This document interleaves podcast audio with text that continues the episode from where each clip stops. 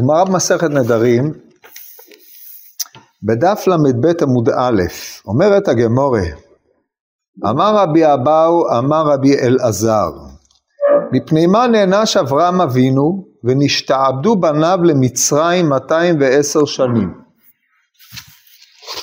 מפני שעשה הנגריה בתלמידי חכמים, שנאמר וירק את חניכיו ילידי ביתו. ושמואל אמר, מפני שהפריז על מידותיו של הקדוש ברוך הוא, שנאמר במה אדע כי ירשנה. ורבי יוחנן אמר, שהפריש פני אדם מלהיכנס תחת כנפי השכינה, שנאמר תן לי הנפש והרכוש קח לך. לאחר מכן הגמרא עוברת אה, להסביר את וירק את חניכיו, וירק את חניכיו ילידי ביתו, אברהם אמר שהוריקן בתורה, ושמואל אמר שהוריקן בזהב. שמונה עשר ושלוש מאות אמר רבי עמי ברבא אליעזר כנגד כולם.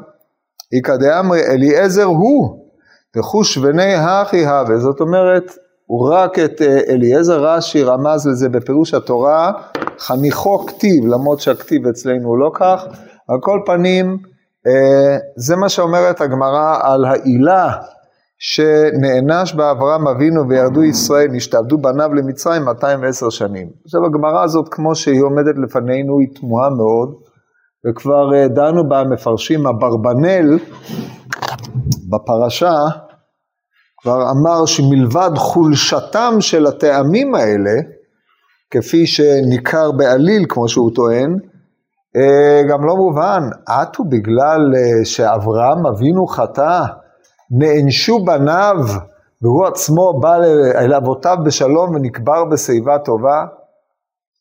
והשאלה הזאת הטרידה עוד הרבה מפרשים, ונאמרו פה ביאורים רבים, זה בכו וזה בכו. הביאור, אה, המהר"ל נתן אה, שלושה מהלכים בביאור העניין הזה גם בגבורות השם וביותר, אה, במהדורה קצת יותר מקוצרת, חידושי האגדות, וגבורות השם מופיע בפרק ט', ועם כל זה אנחנו רוצים אה, לנסות לקרב את הדברים הללו, להבין אותם בפשט ומגמת דברי האגדה וזיקתם לכתובים. עכשיו, יש פה שלושה טעמים שונים זה מזה, או שלושה טעמים בעלי אופי שונה לחלוטין. אז לפני שניכנס לטעמים נראה מה פרשו המפרשים פה על הדף. אומר הר"ן, שעשה הנגריה בתלמידי חכמים שהוליכם למלחמה, כדכתיב, וירק את חניכיו, דהיינו בני אדם שחנך לתורה. כן, המהרש"א במקום אומר, יש לדייק את זה לא מלשון חניכיו, אלא מלשון ילידי ביתו. ילידי ביתו זה כל, המעלה, כל המלמד בין חברו תורה מעלה עליו הכתוב כאילו ילדו. לא שהדבר הזה יותר מבואר מדברו של המהרש"א, אבל כל פנים, מדברו של הר"ן, אבל כל פנים הם היו צריכים למצוא פה איפה התלמידות חכמים, במה שהוא הוריק. אנחנו יודעים שמי שישב על הכלים, הם, נר, אשכול וממרא, הם לא, לא, הם לא רדפו אדם, הם נשארו בסביבה הקרובה, עשו שמירות על הבית, ואת היחידות המובחרות של אברהם, הוא לקח איתו, הם תלמידי החכמים, אותם הוא לקח, כן. איזה בית מדרש הם למדו, מה תלמיד חוט, מה תלמיד חוט חכמים, אז כבר רש"י, בפירוש התורה אומר זה אליעזר, דמשק שהיה דולה ומשקה מתורת רבו לאחרים, הוא היה כנראה תלמיד חכם מופלג, או שהוא היה לבדו, זה שהוא עשה בו הנגריה, או אוסף תלמידיו של אליעזר, על כל פנים כל הדברים הללו הם לכאורה דברי דרוש רחוקים ביותר. וקשה לראות איך נכנסים פה בלשון, בהסבר של מפני מה נענש אברהם אבינו נשתעבדו בניו. אז זה מה ש... זה השלב הראשון, זה מה שאומר הר"ן. ההסבר השני הוא הסברו של שמואל, שהוא הכי קרוב לפשוטם של מקראות, הפריז על מידותיו של הקדוש ברוך הוא. אומר הר"ן, נרבה להרהר על מידותיו של הקדוש ברוך הוא. מה זה הפריז? ויתר והפקיר. ההסבר השלישי, הסברו של רבי יוחנן, שהפריש אה, בני אדם מלהיכנס תחת כנפי השכינה. אומר הר"ן שנאמר תן לי הנפש ואברהם אבינו נתנם לו ואילו עיכבן לעצמו היה מכניסם תחת כנפי השכינה. אז כיוון שהוא לא לקח את אה, אנשי סדום לעצמו, אז יש בזה משום הפרשה מלהכניס אותם, ועל כן נענש אברהם, נשתעבדו בניו 210 שנים במצרים. כן, פרופורציונית לא ברור איך הדבר, מה שעשה אברהם בשלושת האירועים הללו, מוליד את, אה, את העונש בבניו.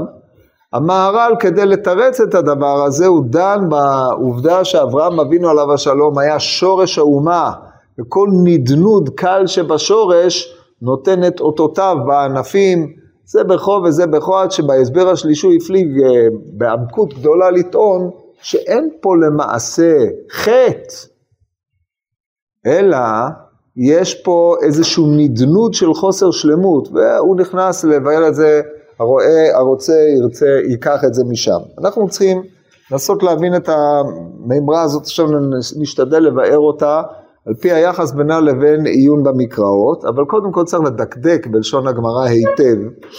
כבר עמדו על זה המפרשים, לפני זה נוציא, נוציא מכשול אחד ענק שדנו פה המפרשים, כבר המהרש"א הביא, או בסוגם על המהרש"א הביאו את דברי המהרש"ק, רב שמואל קיידמן והבעל מחבר ספר ברכת הזבח, הרבה של התז, והאביו של בעל מחבר ספר קו הישר, ספר מוסר שכבר פסקו ללמוד אותו בישיבות, מסיבות שכשתלמדו את הספר תדעו למה, אבל לגופו של עניין, מה שחשוב פה זה שהוא טוען שמימרותיו של רבי אבאו ורבי יוחנן בלתי אפשריים. לפי סדר עולם רב המובא ברמב"ן, וידוע העניין, שברית בין הבתרים היה כשאברהם היה בן שבעים. הראיה, כי כתוב ידוע תדע כי גר יהיה זרעך בארץ לא להם וכו', ועם ישראל יוצא ממצרים 430 שנה אחרי, כתוב 30 שנה ו-400 שנה לשבט בני ישראל בארץ מצרים, אז הם יצאו. עכשיו אם אתה לוקח 30 ו-400, 400 יוצא בדיוק לפי החשבון, אבל השלושים הללו, מה עושים איתם? אז בסדר עולם רבה גרר רבי יוסי, בעל התנא של סדר עולם רבה, את השלושים הללו מזמנו, מלפני לידתו של יצחק, ואחר שאברהם אבינו בלידתו של יצחק היה בן מאה שנים, נמצא ש... ברית בין הבתרים היה כאשר אברהם היה בן 70. עכשיו די ברור שרק אחרי שאברהם עלה לארץ בגיל 75 וירד למצרים, חזר ממצרים ולוט הלך לסדום, נשבע לוט, ואז אברהם רדף אחריו, אברהם היה צריך להיות בגיל הזה בן 80 ומשהו. אז יוצא שהסיפור של ברית בין הבתרים ידוע תדע כי גר יהיה זרעך בארץ לא להם ועבדום ועינו אותם ארבע מאות שנה, כל זה היה לפני מלחמת אה, ארבעת המלכים. אז תמה המהרש"ק איך יכולים הדברים להסתדר זה עם זה, והיא קושייה מפורסמת ועצומה. הפתרון הפשוט ביותר הוא ששלושת האמוראים הללו לא סוברים, או המימרות הללו לא נאמרו לשיטת סדר עולם רבה, אלא לשיטת הבראשית רבה, שאברהם בן 85 שנה היה, כאשר היה לו ברית בין הבתרים. ובאופן הזה אנחנו פותרים את הבעיה בלי להסתבך עם זה, יש כל מיני מהלכים של אה, מפרשים לסדר את הדברים זה עם זה, אבל זה לא עיקר העניין, די ברור שהם לא יתחשבו בדבר הזה. זאת, זה מכשול ראשון שאנחנו לא ניכנס לדון בהיבט הזה, איך מיישבים אותו. נקודה שנייה, תשימו לב איך המימרה פותחת. אומרת הגמורה, מפני מה נענש אברהם אבינו ונשתעבדו בניו למצרים 210 שנים. זאת הנחת המוצא היא שאברהם נענש. מה היה עונשו של אברהם שנשתעבדו בניו 210 שנים? עכשיו 210 שנים לא כתוב בשום מקום. זה יוצא מחשבון. זה לא כתוב בשום מקום, גם לא מפורש, כן? ואם עושים את החשבון, מורידים את כל העניינים הללו, מגיעים ל-210 שנים. על פניו היה צריך להגיד, וכמו שכתוב בתורה, ידוע תדע כי גר יהיה זרעך בארץ לא להם, ועבדו ועינו אותם ארבע מאות שנה. מה 210? למה שמו את הדגש על ה-210 שנים? אלא ודאי, הדגש הוא על השעבוד 210 שנים. כתוב ידוע תדע כי גר יהיה זרעך בארץ לא להם ועבדום ועינו אותם והסכום הכולל, הזמן הכולל הוא 400 שנה כמו שפרש רש"י על אתר. אבל למה נשתעבדו 210 שנים במצרים? זה היה העניין, על מה נענש אברהם שבניו נשתעבדו. עכשיו, כמו שאנחנו צריכים להבין אל נכון, אברהם הוא לא נידון פה כאדם פרטי, אברהם הוא מייצג האומה, או כמו שהרמב"ן אומר, מעשה אבות סימן לבנים, דהיינו, לא זו בלבד שהאב עושה מעשים סימבוליים שאחרי זה יחזרו אל בניו, אלא הוא כובש את הדרך לפני בניו. מעשיו, צורת חשיבתו, אה, הלך רוחו, הם הם התובעים את אופייה של האומה, הם הם הגנים שאחרי זה יוצאים בבניו. ולכן אם אברהם אבינו נענש, העונש שלו זה לא העונש של אברהם הפרטי, אברהם בן תרח, בעלה של שרה, אביו של יצחק וישמעאל, ששילח אותם, אברהם הפרטי, אלא אברהם כאבי האומה, מה היה בו, מה, מה מעשיו בתור אבי האומה שהוא עשה, שהולידו את uh, העונש הזה שהשתעבדו בניו. לכן הדיון האם אברהם אבינו בא אל אבותיו בשלום, איך יכול להיות שאבות אכלו בוסר ושיני בנים תיקנה, השאלה הזאת נכונה רק כאשר אנחנו בוחנים את אברהם בתור אדם פרטי.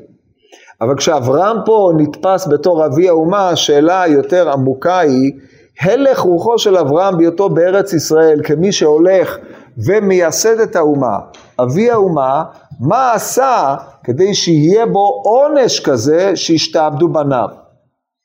עכשיו זה שהגמרא קוראת לעובדה שבניו משתעבדים עונש, הדבר הזה הוא די ברור, מפני שכל שיעבוד אין לו הצדקה כשלעצמו, אם לא הוא בא בתורת עונש.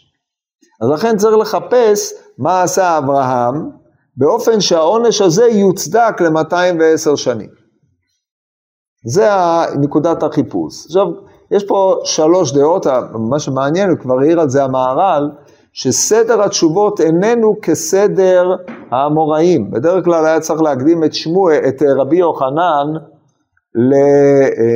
לרבי אבאו אמר רבי אלעזר, אבל הגמרא פותחת במימרתו של רבי אבאו אמר רבי אלעזר, עוברת לשמואל ואחרי זה רבי יוחנן. לכאורה אם הולכים אל סדר המקראות היה צריך להיות רבי אבאו אמר רבי אלעזר, אחרי זה רבי יוחנן ואחרי זה שמואל. הסדרים הללו הם אה, מעוררי עניין, מהר"ל לפי שיטתו פתר אותם על פי הבחינות השונות של שורש החטא, אם זה בחינת החסד, בחינת הדין, או בחינת האמת, מידת התפארת שהמידה האמצעית ביניהם, כל זה לפי פרשנותו, וככה הוא הסביר את אה, שלוש, שלוש, שלוש העניינים הללו, אבל אני לא, לא יודע, לפי מה שנסביר, אני לא רואה איך אני מיישב את הדבר הזה, אנחנו נתחיל קודם כל להתבונן בדברים הללו כפשוטם.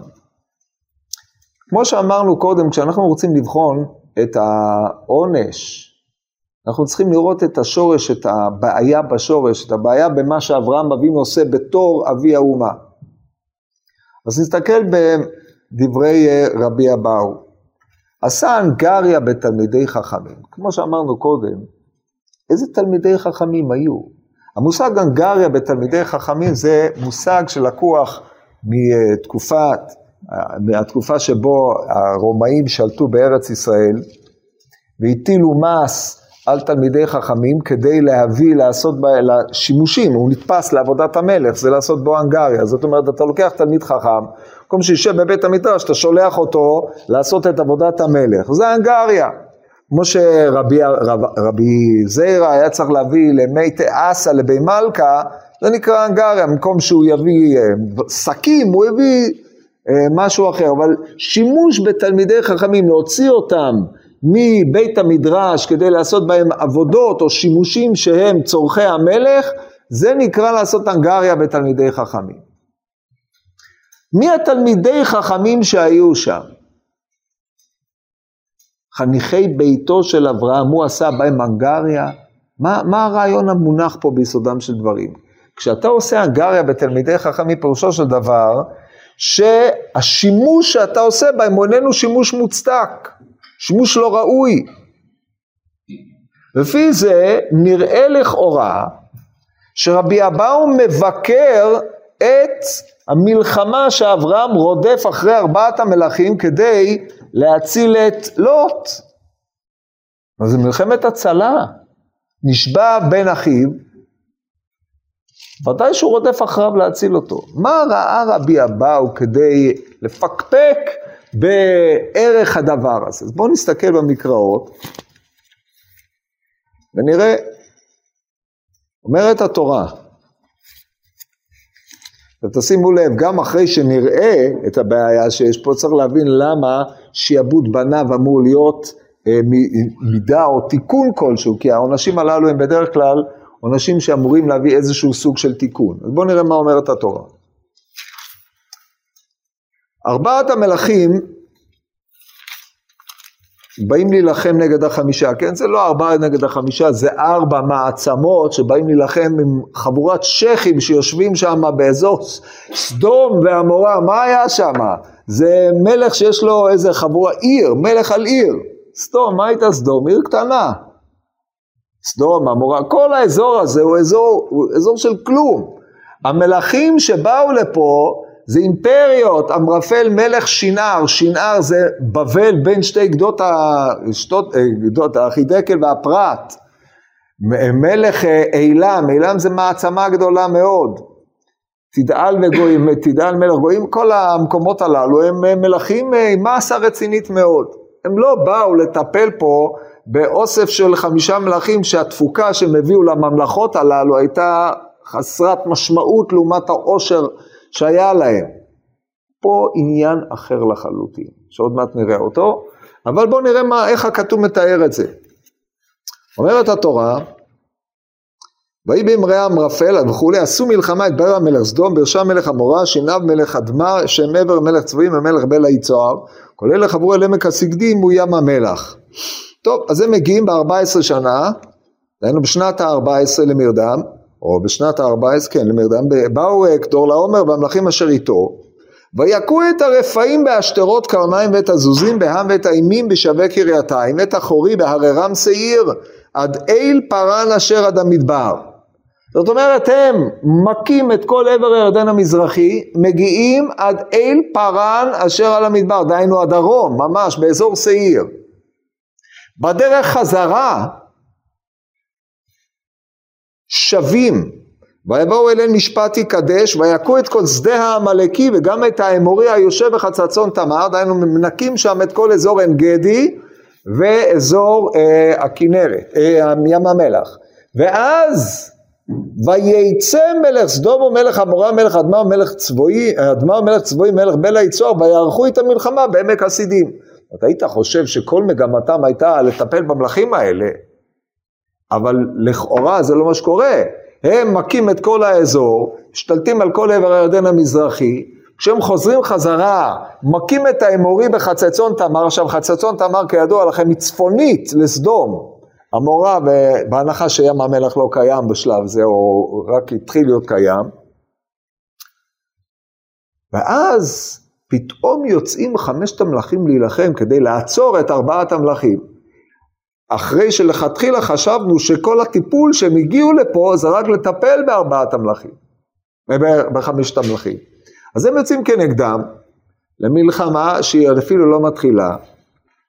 כן, איך שהם יוצאים לקראתם, עמק הסידים בארות בארות חימר, ואנוסו מלסדום, והמורה ויפלו שמה, והנשארים מרנסו, כן, קרב גדול לא היה פה, הם ברחו, איך שהם יצאו, ברחו. טוב, עכשיו מה קורה? ויקחו את רכוש סדום מהמורה ואת כל אוכלם וילכו. זה מה שהם לקחו, את הרכוש ואת אוכלם. ויקחו את לוט ואת רכושו בן אחי אברהם וילכו, הם כבר הלכו קודם לכן. אז כנראה היה פה לקיחה של הרכוש ואוכלם, לקיחה של לוט ורכושו. וילכו, ויבוא הפליט ויגד לאברהם העברי ושוכן באלוני ממרא האמורי, זאת אומרת הפליט, הוא פלט שם מהקרב, הוא בא ואמר, תדע לך, היה פה מלחמת עולם בעבר הירדן המזרחי. וסיפר לו שסדום כולה נלקחה בשבי. ואז מה עושה אברהם?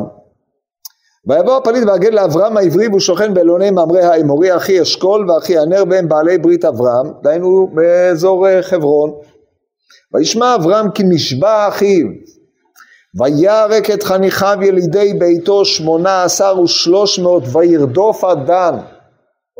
זאת זו רדיפה אדירה, המרחק הוא עצום, מאזור ים המלח עד אזור הבניאס, זה אזור מדהים, בדן, כן, בניאס זה דן. לאחר מכן זה לא נגמר שם, ויחלק עליהם לילה, הוא ועבדיו, ויקם וירדפם עד חובה אשר משמאל לדמשק, זאת אומרת הוא מגיע צפונית לדמשק, את המלחמה הוא מתחיל לנהל רק מאזור דן ואילך, עד אז הוא רודף אחריהם כאשר הם כבר הגיעו לאזור, לאזור הצפון, והמלחמה שלו הוא מנהל באזור, בסוריה. שם מגיעה ההפתעה הגדולה. וישב את כל הרכוש, שהרי הם לקחו רכוש ואוכל, ככה כתוב, אז הוא השיב את הרכוש, אז המלחמה על מה הייתה? על פניו, על רכוש, שלב זה. אז הוא משיב את כל הרכוש וגם את לוט אחיו ורכושו השיב. השיב לאיפה? השיב, לא כתוב לאן, אבל השיב. וגם את הנשים ואת העם. זאת אומרת, הסדר הוא כזה, רכוש, לוט, רכוש, נשים ועם. מי זה העם? איזה עם זה? עם זה או משפחה, כן, כמו לעם נוחי לא ימשול למוחה בביגדובה, או העם היושב בציון, או העם היושב בסדום. אז סדר ההשבה פה הוא מפליא ביותר, וכבר עמדו על זה המפרשים, זה בכור וזה בכור. אבל כשאתה בא לשמוע, לתאר את הפעולה ההירואית שעשה אברהם אבינו, הוא הציל את אנשי סדום, הוא הציל את אחיו, הדבר הראשון שהוא משיב זה את הרכוש. הפרופורציות פה בעצם הם אינם הפרופורציות הרצויות. הוא היה צריך קודם כל להשיב את לוט ואת אחיו, כי זאת העילה שבגללה הוא יצא למלחמה. השיב את לוט, השיב את רכושו של לוט, השיב את העם, השיב את נשותיהם, ואז השיב גם את הרכוש.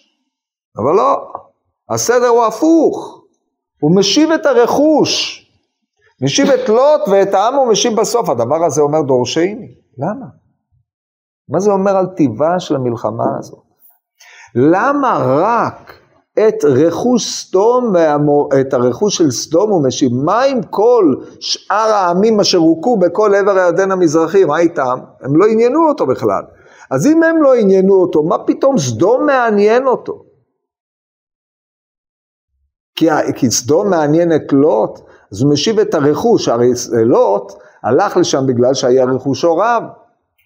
זאת אומרת, הרכוש היא בעצם העילה שבגללה הוא מתעניין בסדום, זה לוט, וזו העילה שבגללה אברהם מתעניין בסדום, מפני שלא תתעניין בסדום, הוא צריך את לוט. אז כיוון שאם אין רכוש בסדום, אין ללוט מה, אין ללוט מה לעשות בסדום. אז קודם כל משיבים את הרכוש, יש ללוט מה לעשות, ואז לוט חוזר עם רכושו. הדבר הזה, כשאתה קורא את זה באופן הזה, הוא נשמע מאוד מאוד משונה. כן? אבל מה נעשה שהכתוב ככה תיאר את הדברים? אז זה קודם כל פרופורציה על המלחמה. כן, שאלות. מה קרה שישב את העם הרב? הרי ראינו שהם שברו רק את הרכוש. ברור. ואמרנו שלקחו את רכושם ואת אוכלם וילכו. לא כתוב על העם כלום. כן? הרי, ואז כתוב, לפני זה אבל, אמ, על כל מי שברח, הנשארים, הם ברחו להר, מי שלא ברח, אותם לקחו בשבי. מי שברח, ברח, כן? זה מה שראינו קודם לכן.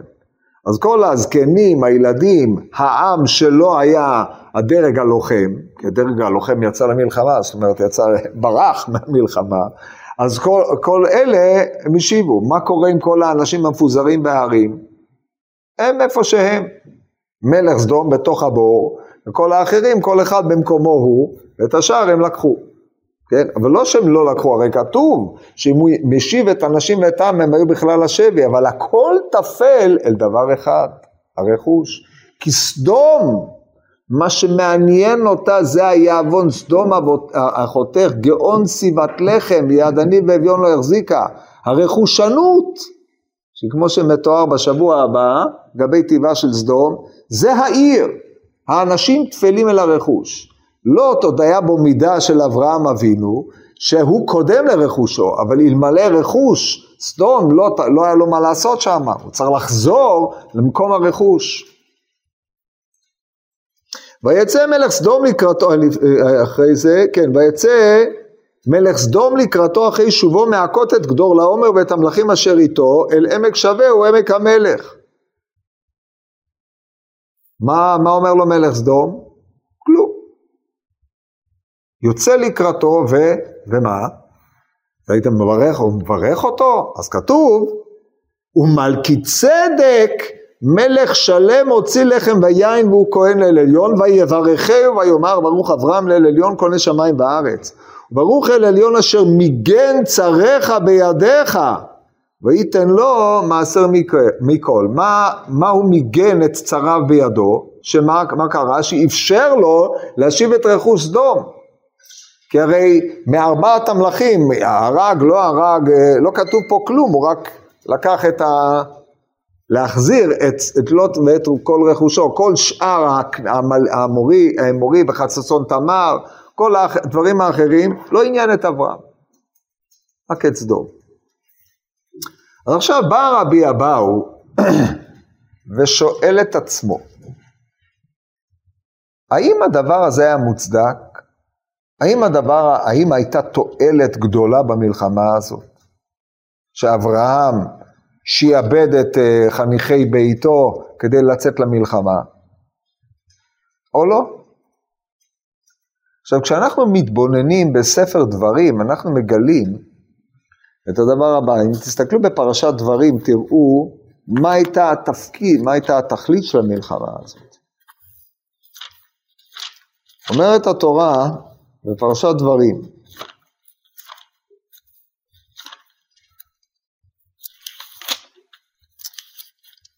אמ, נמצא בפרק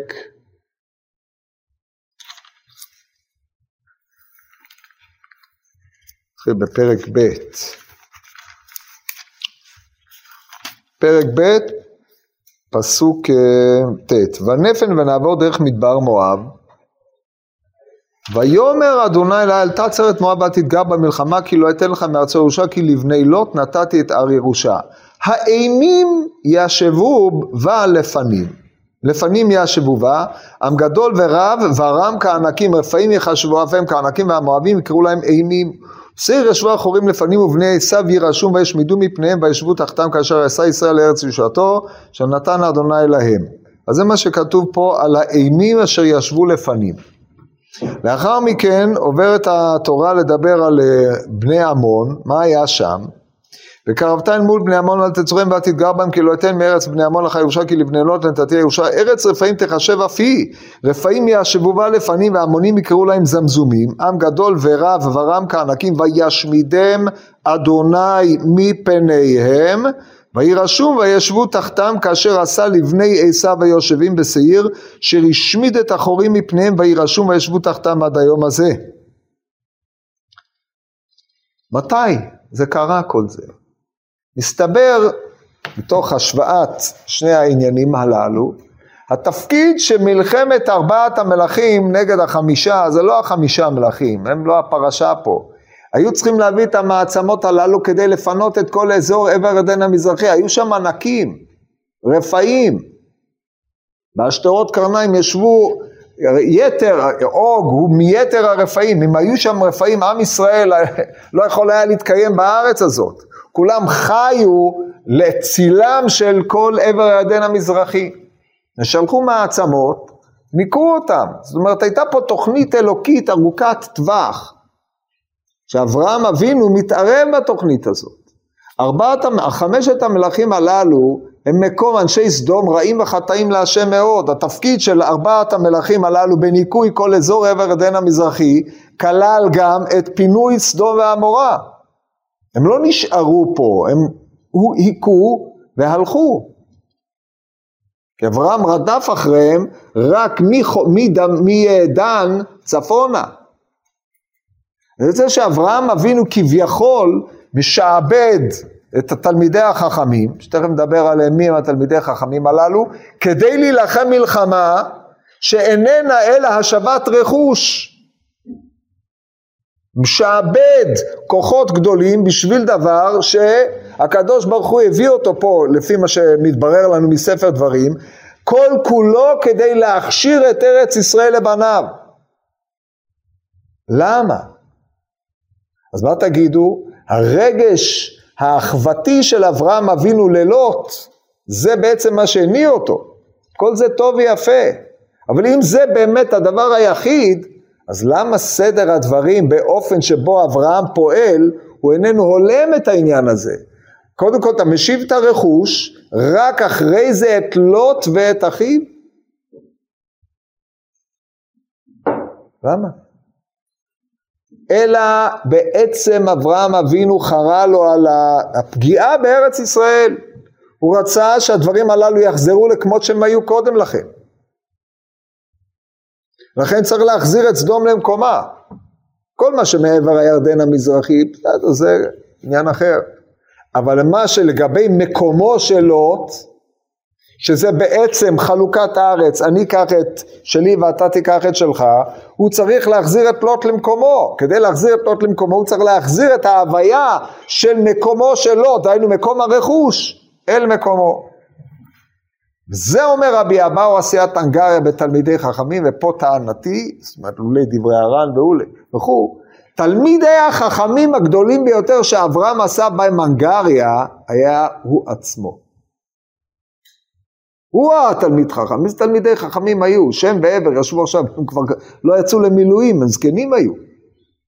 אז שם אה, באמת האריך ימים יותר מאברהם, כי הוא נפטר כשיעקב אבינו היה בן חמישים.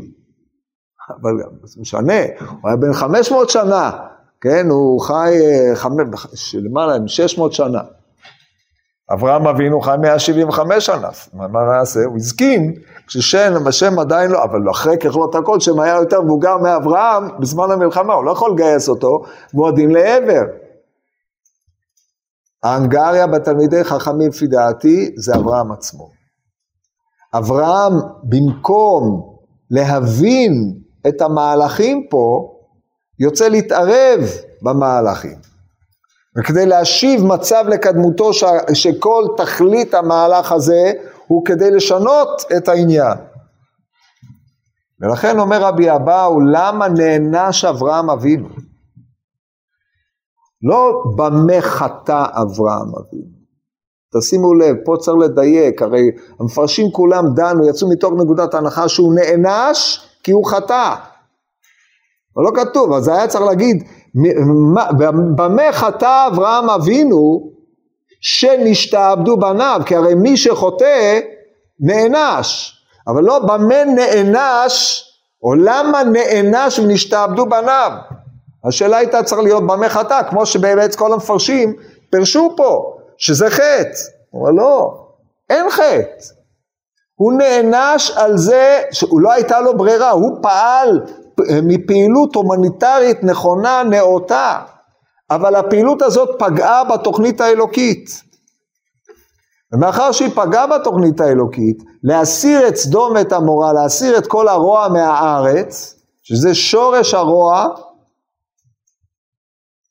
לא הייתה ברירה, אלא שכשבניו ירדו למצרים, הם השתעבדו, כי הרי לא, סדום היא מייצגת את מצרים פה בארץ, כמו שכתוב, כגן השם כארץ מצרים בואכה צוהר. זה המצרים פה. אתה מחזיר את הרוע של מצרים לפה, וכמעשה ארץ מצרים אשר ישבתם בה לא תעשו, וכמעשה ארץ כנען אשר אני מביא אתכם שמה לא תעשו, וחוקותיהם לא תלכו. הדמות של מצרים בארץ זה סדום ועמורה. אז כיוון שאתה שיעבדת את עצמך כדי להשיב את בחינת כארץ מצרים פה, השתעבדו בניך זה מידה כנגד מידה. לא שאברהם חטא, לא הייתה לו ברירה, אברהם פעל לפי המוסריות הנאותה שהייתה לו.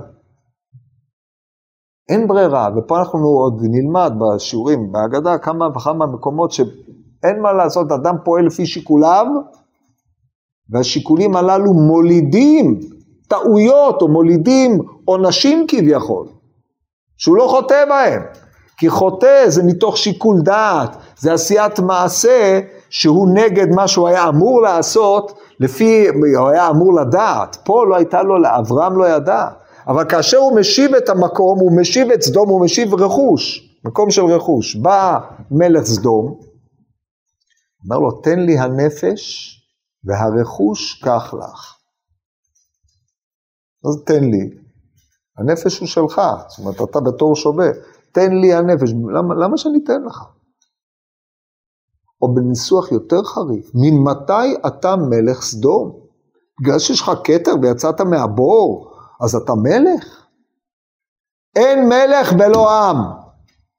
ברגע שכבשו את העיר שלך, אתה נפלת לתוך הבור בעמק הסידים, נפלת שם, ויפלו שמה, הנשארים הר אנס וכל אחד הלך לדרכו, שאר העיר, הנשים, העם והרכוש הלכו איתם עם ארבעת המלכים, מה נשאר מהמלכות שלך? תגה בלא מלכה זה. איזה מלך זה? אומר לא, אני מלך סדום. מלך סדום בהקשר הזה, אני מייצג אידאה. זה המלך סדום.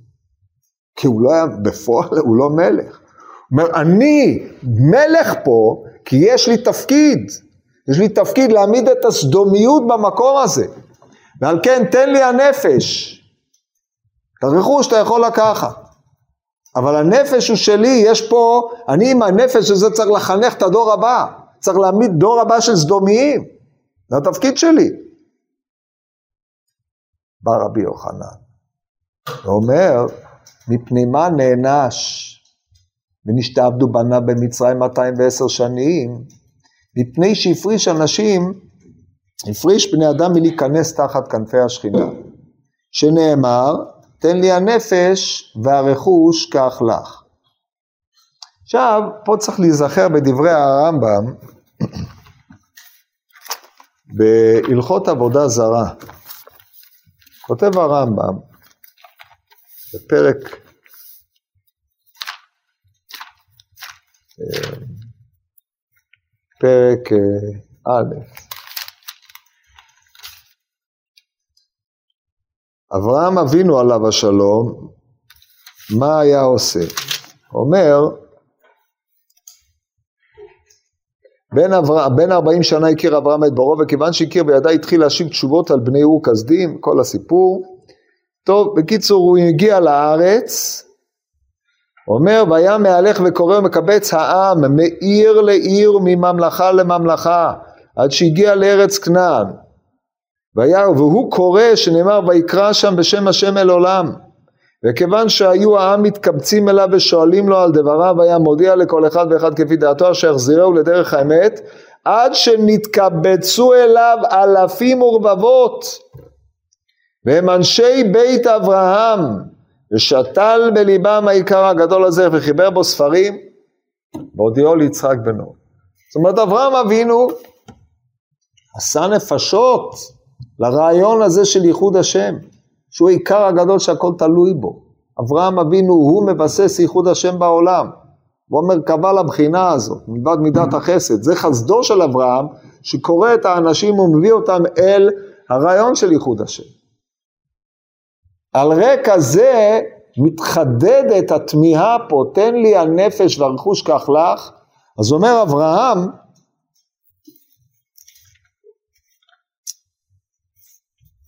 אומר אברהם, הרימותי ידי אל השם אל עליון, קונה שמיים וארץ, אם ייחוד ואצרוך נעל, ואם אקח מכל אשר לך ולא תאמר, אני העשרתי את אברהם. מה עם הנפש? למה אתה נותן לו את הנפש? למה אתה מאפשר לו לחזור ולהקים את העיר שתחרב, ובפרק הבא אתה תעמוד ותבקש על העיר הזאת. זו אותה עיר, לא עברו יותר מחמישים ומשהו שנה, והעיר הזאת הפכה להיות מרכז מסואב לחלוטין, זעקת סדום ורמואה כי רבה וחטאתם כי כבדה מאוד. אם אתה היית לוקח את הנפש, אתה היית מחנך אותם, מוליך אותם בדרך שלך, ולא נותן למלך סדום הזה את המלכות הזאת, אז לא היה קורה דבר כזה, לא הייתה קמה, קם מקום כסדום. ואחרי שחרבה סדום, קם במקומה, קמו במקומה שתי ממלכות, ההמונים והמואבים. כמו שאתם יודעים, המואבים נמצאים, מי שיודע את הגיאוגרפיה, מואב נמצאת בדיוק במקום סדום. וההמונים והמואבים האלה חזרו ואימצו את דפוסי סדום וככה התנהגו כלפי, לעם ישראל. רוצה שאם אתה היית עוקר את הסדומיות מעיקרה, כאשר עמון ומואב היו מתבססים שם, הם היו בעלי אופי אחר מפני שהמקום, כמו שכן המקום על יושביו, ככה הלך הרוח של אותו מקום משפיע על יושביו, לרעה. יוצא שיש פה הסתכלות היסטוריוסופית עמוקה של רבי יוחנן, על תן לי הנפש והרכוש כך לך. אתה כל, כל כולך אברהם אבינו באת לבסס את העיקר הגדול שהוא ייחוד השם. ופה אנחנו צריכים לשאול שאלה נוספת. כל האלפים והרבבות האלה, אנשי בית אברהם, לאן נעלמו? לא נשאר מהם כלום.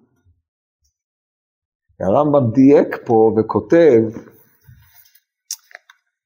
מודיע לכל אחד, נתקבצו אליו אלפים ורבעות, אנשי בית אברהם שתל בליבם העיקר הגדול וחיבר בו ספרים והודיעו ליצחק בנו. זאת אומרת, יש אותם ויש גם את יצחק בנו שהוא הודיע לו. עכשיו, מה קרה אחר כך? וישב יצחק מלמד ומזהיר ויצחק הודיע ליעקב ומינהו ללמד וישב מלמד ומחזיר כל הנלווים אליו. על יעקב. יעקב אבינו לימד בניו כולם והבדיל ללוי ומינהו ראש והושיבו בישיבה ללמד ערך השם לשמור מצוות אברהם וציווה את בניו שלא יפסקו מפני לוי ממונה אחר ממונה. טוב, הם ירדו למצרים, מה קרה במצרים?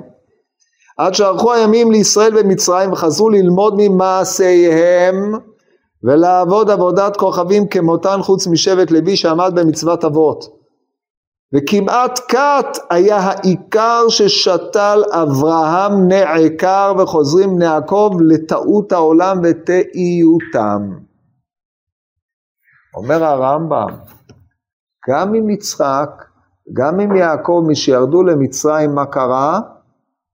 הכל נשכח. נעקר העיקר הגדול, עיקר של ייחוד השם. קל וחומר, בן בנו של קל וחומר, שהוא לא נשתמר אצל אותם אלה שהיו בארץ. מפני שמה שגרם והשפיע עליהם את ה... מה שהחזיר אותם, את אבותינו במצרים, זה העובדה שהם היו מבוללים במצרים עצמה. כמו שכתוב בספר יחזקאל, בפרק כ', הוא מתאר דברים שלא כתובים בתורה, או רמוזים בתורה בפרשת אה, אבל פה אומר הכתוב, ואמרת עליהם כה אמר אדוני אלוהים ביום בוחרי בישראל ואשא ידי לזרע בית יעקב ויוודע להם בארץ מצרים ואשא ידי להם לאמור אני אדוני אלוהיכם. ביום, אשר, ביום ההוא נשאתי ידי להם להושיבם להוציאם מארץ מצרים אל ארץ אשר תרתי להם ארץ זבת חלב ודבש תרתי להם ארץ זבת חלב ודבש צבי לכל הארצות. ואומר איש שיקוצי עיניו השליכו ובגילולי מצרים אל תטמאו אני אדוני אלוהיכם. ויאמרו ולא אהבו לשמוע אליי, איש שיקוצי עיניהם לא השליכו ואת גלולי מצרים לא עזבו, ואמר לשפוך חמתי עליהם לכלות אפי בהם בתוך ארץ מצרים. אז אם זה קרה לעם ישראל, כמעשה ארץ מצרים אשר ישבתם בה לא תעשו, אלה שנשארו, אנשי בית אברהם, כשאברהם אבינו עלה לגנזי מרוימים, ויצחק ויעקב ובניו ירדו מצרימה, מה, מה נשאר איתם? וכמעשה ארץ כנען אשר אני מביא אתכם לא, שמה לא תעשו, שזה עומק התועבה של העבודה זרה כמו שמסביר הרמב"ם. ברור שהם חזרו אל אותו עיקר גדול. ועכשיו בא רבי יוחנן, אם אני מבין אותו נכון, וטוען טענה רדיקלית ביותר. אם אתה היית מפריש את האנשים האלה, אם אתה לא היית מפריש אותם מתחת כנפי השכינה, היית יכול להשפיע על כל ארץ ישראל שהיא לא תהיה כאין ארץ, כאין מקום של עבודה זרה. לא היה צריך לחזור, ארץ כנען הייתה לאט לאט הופכת להיות מקום, היה מקום טהור בארץ כנען, מקום שבו עובדים את השם. אבל סדום כנראה יש לה השפעה, שלא ברור לי למה, אבל יש בה לפי, לפי אם אני מבין נכון את דיבר רבי יוחנן, זה שלא הפרשת אותה מתחת כנפי השכינה, לא היה לך מקום בארץ. לא היה לך שום נקודת אחיזה בארץ. לכן כל מקום שהלכת איתה כל הזמן נודד, פה היה לך זכות, רכשת מקום. רכישת מקום זה העמדת אנשים, העמדת עם. ככה נשארת תלוי. נשיא אלוהים אתה בתוכנו. אתה מנוסה על הארץ, אתה לא, אתה לא אדם שיש לו מקום מסוים. נע ונד בארץ. כשהוא בא לקנות קבר, עלה לו 400 שקל כסף, ומה קיבל? בית קברות. זה כל מה שהיה לו בארץ. אם היית לוקח את אנשי, את, ה, את האנשים הללו, היית זוכה במקום, מקים פה תחילת אומה. על ידי לוט הופך את כל המצב שבו לוט נוטש אותך, מחזיר אותו חזרה, הרי זו הייתה הזדמנות מצוינת לאיחוד משפחות. עכשיו כל הארץ של אברהם, כבש את כל האזור. אמר לו לא, אני מחזיר את הדברים כמות שהיו. אז אם אתה מחזיר אותם כמות שהיו, דע לך שכל העיקר הגדול שאתה עומד לשתול פה, שהוא חשוב ואתה עושה אותו מתוך הבנה, ייעקר. ולכן בניך ישתעבדו במצרים, גם הם יצטרכו לעבור את אותו תהליך. זה רבי יוחנן. עכשיו שוב אברהם אבינו פעל משיקולים הומניים, משיקולים שהוא הבין, לא, אני לא לוקח ממך כלום, השם, השם אמר אני בלעדיי הנערים, כן, שלא תאמר אני השארתי את אברהם, מי זה אתה בכלל, מי, מי זה אתה שתאמר? אתה לא מאן דאמר בכלל.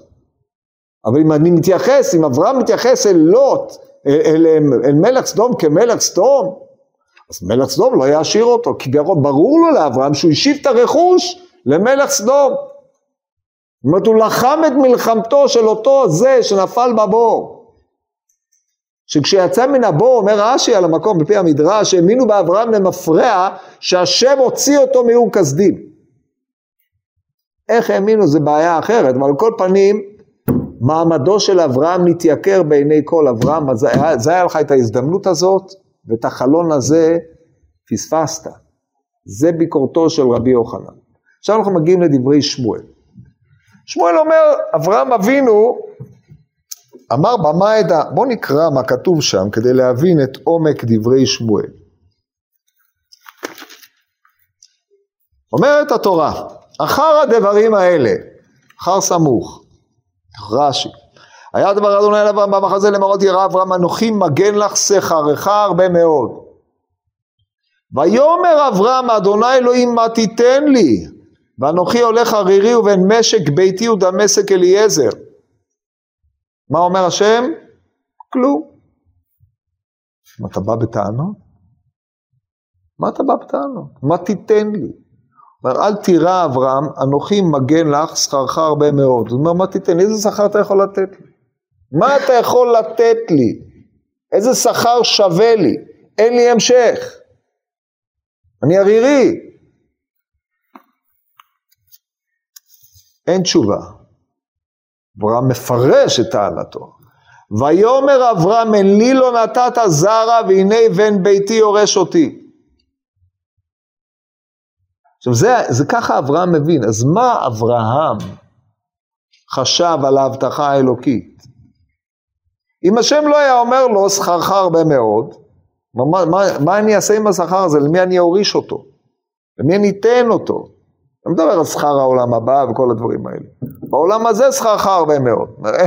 אין, אין, אין לאיזה תועלת. אברהם מבין שאנשי בית אברהם הם היורש שלו. לא, כבר אין בן. בבחינת תלמידים הם הקרואים בנים, כמו בני, אה, אבי אבי רכב ישראל ופרשה, כן, בני הנביאים קרואים, הרמב"ם בתחילת תלמוד תורה. זה מה שאברהם מבין. הנה דבר אדוני אליו לאמור לא יירשך זה כי אם אשר יצא ממאיך הוא יירשך. עכשיו עברו פה כמה וכמה שנים, עשר שנים, תשע שנים, הוא בארץ כנען, כבר בגיל שמונים וחמש. אמר הקדוש ברוך הוא, יהיה לך בן. זה פלא. טוב, כך אומר לו השם. ויוצא אותו החוצה ויאמר הבט נא וספור הכוכבים תוכל לספור אותם ויאמר לו כה יהיה זרעך והאמין בה אדוני ויחשביה לא צדקה מאמין ואז בא המשפט הבא ויאמר אליו אני אדוני אשר הוצאתיך מאור לתת לך את הארץ הזאת לרשתה. כלומר, בשביל מה הוצאתי אותך מאור לתת לך את הארץ הזאת לרשתה. ויאמר, אדוני אלוהים, במה אדע כי ירשנה. מה, מה אתה רוצה? במה אדע? איך אני אדע שאני אירש אותה? אתה מפקפק? הקדוש ברוך הוא אמר, אני הוצאתי אותך לתת לך את הארץ. מה אתה שואל שאלות? הפריז על מידותיו של הקדוש ברוך הוא, אומר שמואל. שאמר לו, במה אדע? האם הוא חטא בזה או לא חטא? הוא נענש. לפי דיוקנו נענש ולא חטא. איך זה יכול להיות? עכשיו אני אסביר לכם את הדבר. אומר אברהם אבינו ריבונו של עולם, תראה, אני כבר בן 85, יוולד לי בן. איך אני ארש את הארץ? מה יקרה? איך אני יכול להגיע להיות שהזרע שלי הוא יירש את הארץ? כמה ילדים יהיו לי, עד שיהיו לי נכדים, כבר יתחתנו עם הסביבה הקרובה, מתבל... התבוללו באנשי הארץ. שמא על ידי אנשי בית אברהם אני יירש את הארץ, אז איך אתה אומר לא יירשך זה כי אם זרעך אשר יצא ממך או יירשך, כה יהיה זרעך, זרעי יהיה כמו הכוכבים, עד שזרעי יהיה כמו, כמו כוכבים, כל הכנענים יתרבו פה, יתמלאו פה, יתמלא הארץ, איפה יהיה מקום לזרע שלי? איך הוא יירש את הארץ? לאן ייעלמו כל העמים, שבא, כל אלה שיושבים פה בארץ? מה יקרה? זה מה ששואל אברהם. אברהם אבינו אומר, ריבונו של עולם, הם יילחמו בארץ? הם יילחמו באויבים שלהם? במה אדע כי יירשנה, שהארץ הזאת תהיה ירושה רק לזרעי? זה מה ששואל אברהם. ריבונו של עולם, אני אגיד לך במה תדע. אז הוא אומר לו דבר מדהים, שאברהם בחיים לא היה חושב אותו. אתה צודק, אם הזרע שלך היה נשאר פה, היה מתבולל, היה נשאר ממנו זכר, כמו אנשי בית אברהם שלא נשאר מהם כלום. ואם הזרע שלך היה צריך להילחם פה על הארץ, אין ערובה שהוא היה באמת כובש את הארץ. יכול להיות שהיה נוהג כמו שאתה נהגת. אומר הקדוש ברוך הוא ידוע תדע, כי גר יהיה זרעך בארץ לא להם. ואז מה? מה הרווחנו? מחליף פרה בחמור, הם בארץ לא להם, יתבוללו בארץ לא להם. איך יקרה שהם לא יתבוללו? ועבדו ועינו אותם. העם שיושב במצרים משתוקק להיות דומה למצרים. גילולי מצרים, כמו שקראנו בספר יחזקאל, אבל המצרים לא נותנים להם להתבולל, הם שמים עליהם את הטלאי הצהוב, אומרים, אתה עברי, אתה לא, והוא, כשהוא רואה איך מבזים אותו, הוא עוד יותר רוצה להשתוקק, כמו הסינדרום של האישה המוכה. אז אומרים, לא, לא, לא. הם פה, וכו' וכו'. אומר, העובדה שעבדו ועינו אותם 400 שנה, שזה 210 שנים של שעבוד, זה מה שישמור עליכם במצרים. עכשיו שהם נשתעבדו במצרים, אחרי כן יצאו ברכוש גדול, תשימו לב לרכוש הגדול, כן? שזה תמורת הרכוש של סדום, אבל זה כבר, זה לא בחינתו של שמואל. יצאו ברכוש גדול, ואז הם יגיעו לארץ, יילחמו על הארץ ויכבשו אותה. ויהיה להם ציווי אחד, להרוג את כל יושבי הארץ, בבחינת לא תחיה כל נשמה, כי בזה אחיזתם, שבארץ תהיה אחיזה. זה מה שעונה לו הקדוש ברוך הוא. אז תבין איך, איך באמת תדע כי יירשנה, בזה תדע שיירשנה. עכשיו, שמואל לא אומר שאברהם אבינו חטא, אלא לפי האופן שאברהם אבינו חושב על ההתנהלות של צאצאיו, הדרך היחידה שההתנהלות הזאת תשמור על צאצאיו, היא כאשר צאצאיו יבואו מבחוץ מחד גיסא, ומאידך גיסא בכל מקום שהם יתרבו הם לא ישתעבדו, הם לא, הם לא יתבוללו. מה הפתרון? שיעבוד. אז אומרת הגמורה, למה הוא נענש? כי הפריז על מידותיו של הקדוש ברוך הוא. אתה רצית ריאלית להבין איך זה קורה? כדי שזה יהיה מקובל אצלך? זה ההסבר. אברהם שמע את ההסבר הזה, נבהל בהלה גדולה, אימה חשיכה גדולה נופלת עליו. ואז הקדוש ברוך הוא מתאר לו את זה. קח לי עגלם של אשת עין של דור וגוזל, שלושה דורות עד הדור הרביעי, וירד העית על הפגרים, העית שיורד על הפגרים, אם הפגרים זה עם ישראל, כן, הם כמו כולם מתים במצרים, העית יורד על הפגרים זה מצרים. וישב אותם אברהם, אבל ההבטחה לאברהם מונעת את העית הזה מלטרוף אותם, ואז עובר תנור ועשן ולפיד אש, זה השכינה, שמוציאה אותם, גואלת אותם, מוציאה אותם ממצרים. באופן הזה, הדור הרביעי זה הציפור וה... שיוצאת. ככה פרשו המפרשים על כל פנים במחזה של אברהם, העניין הזה, זה הפריז על מידותיו, זאת אומרת כיוון שהוא כבר רצה שהדברים, מה שהחוכמה האלוקית תהיה מובנת לו, כי הרי יפלא מהשם דבר, הוא אומר, אני, אתה תבין לפי האופן שבו אתה חושב את הדברים, זה מה שאתה הולך לראות, וככה הקדוש ברוך הוא הביא לו. באופן הזה אנחנו יכולים ליישב את המימר בלי להניח שהיה פה חטא, אבל עונש, המושג עונש הוא מפני שההתנהלויות האנושיות הללו בהכרח מולידות מצבים שזוקקי תיקון.